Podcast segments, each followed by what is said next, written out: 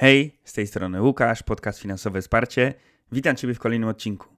A w związku z tym, że wczoraj opowiadałem o tych plusach wyjazdu za granicę i o tym, dlaczego warto to zrobić, to dzisiaj jednak myślę, że przytoczenie minusów też pozwoli podjąć ewentualnie lepszą decyzję z Twojej strony. Bo oczywiście teraz bardzo ważna rzecz. Punkt widzenia zależy od punktu siedzenia.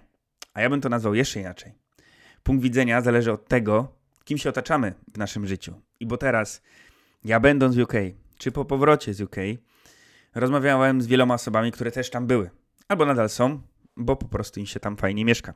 Albo boją się wrócić. I znowu, znajdziemy osoby, które powiedzą, tak, było zajebiście. Fajnie być za granicą przez jakiś okres czasu.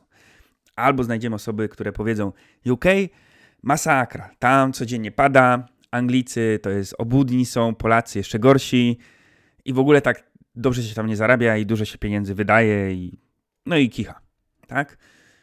I teraz w zależności właśnie, kogo znajdziesz na swojej drodze, czy znajdziesz kogoś optymistycznego, a może nie tyle optymistycznego, tylko kogoś, komu po prostu dobrze było w tej Anglii i ci powie, że było dobrze, albo znajdziesz osobę, której nie wyszło w Anglii, a, czy gdziekolwiek indziej, oczywiście, w jakimkolwiek innym kraju na emigracji, i ona cię zniechęci do tego wyjazdu. No i to jest jakby przykład z życia, który można dopasować do każdej sytuacji, bo jeśli spytamy o cokolwiek kogoś w życiu, to zawsze może być tak, że w zależności kogo spotkamy na swojej drodze i warto mm, te opinie czasami brać przynajmniej z kilku źródeł. No, ale w każdym razie, przechodząc do celu. Naprawdę chodzi o to, że można różnie trafić za granicą i nie zawsze będzie kolorowo. I na przykład jadąc do tej Anglii, której jakby najwięcej jestem w stanie poopowiadać, to będą różne części kraju, na przykład chociażby z różną pogodą. Bo tak, przeciętnemu Polakowi Anglia się kojarzy z deszczem, co jest bzdurą. Chyba, że trafimy do Manchesteru, który faktycznie jest takiej dolinie, gdzie dosyć często pada deszcz w porównaniu do innych części kraju. Ale jeśli mieszkamy w Liverpoolu, w Londynie, to naprawdę ten deszcz e, to nie jest coś e, bardziej często spotykanego niż Polsce, w Polsce, tak? W Polsce też. Bym powiedział nawet, że e, wydaje mi się, że czasami mm, w Polsce, zwłaszcza teraz w tym okresie jesiennym, częściej spotykamy deszcz. A poza tym znowu, pogoda komuś może pasować, komuś nie.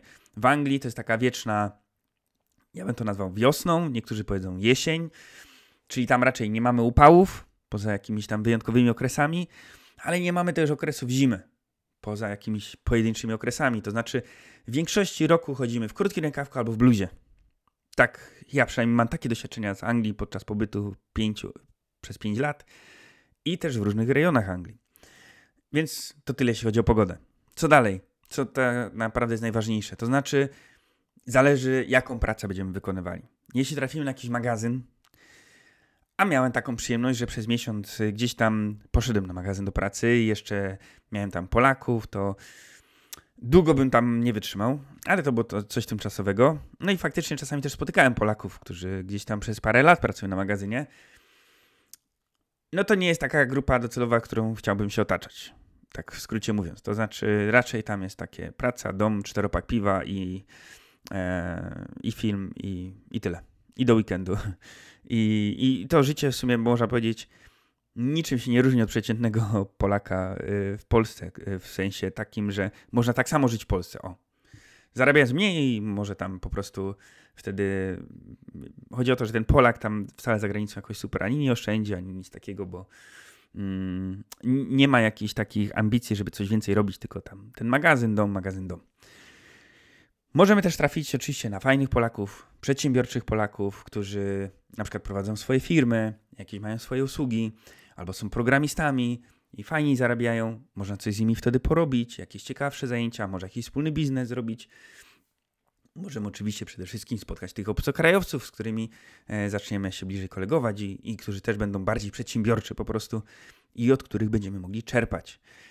Ale, tak jak powiedziałem, wszystko zależy, kim się zaczniemy otaczać, z kim pojedziemy do tej, yy, na tą zagranicę, tak? I to, to jest tak samo trochę w Polsce. Czyli możemy w Polsce mieć słabe to otoczenie, takie nierozwijające się, raczej narzekające i będziemy mówili, kurwa, jak w tej Polsce jest słabo, nie? I właśnie będziemy myśleli o tym, żeby zmienić miejsce zamieszkania. Czasami wystarczyłoby może zmienić miejsce zamieszkania w Polsce albo poszukać jakichś nowych znajomych. I taka jest prawda po prostu, że nie można jednoznacznie stwierdzić, że w danym kraju jest słabo albo nie, bo nigdy nie poznamy większości, jakby, nie wiem, większości społeczeństwa, tak? Jeśli pojedziemy do Anglii, czy do jakiegokolwiek innego kraju i tam faktycznie będziemy mieli tą przyjemność, że będziemy mieli fajną pracę, w której będziemy się rozwijali, nie wiem, poznawali nowych ludzi, poznawali ludzi przedsiębiorczych, tak? To dzięki temu powiemy później, będziemy taką wizytówką, bo będziemy mówili, kurde, tam jest zajebiście, są zajebiści ludzie.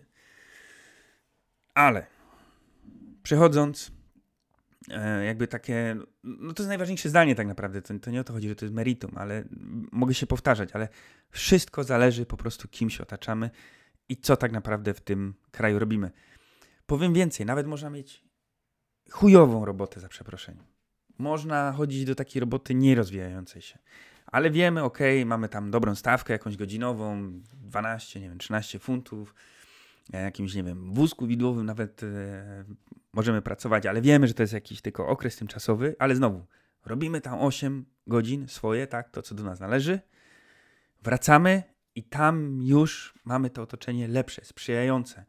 Coś, co możemy z tymi ludźmi, coś ciekawszego zrobić, może jakiś projekt, tak, może jakąś społeczność założymy taką przedsiębiorczą.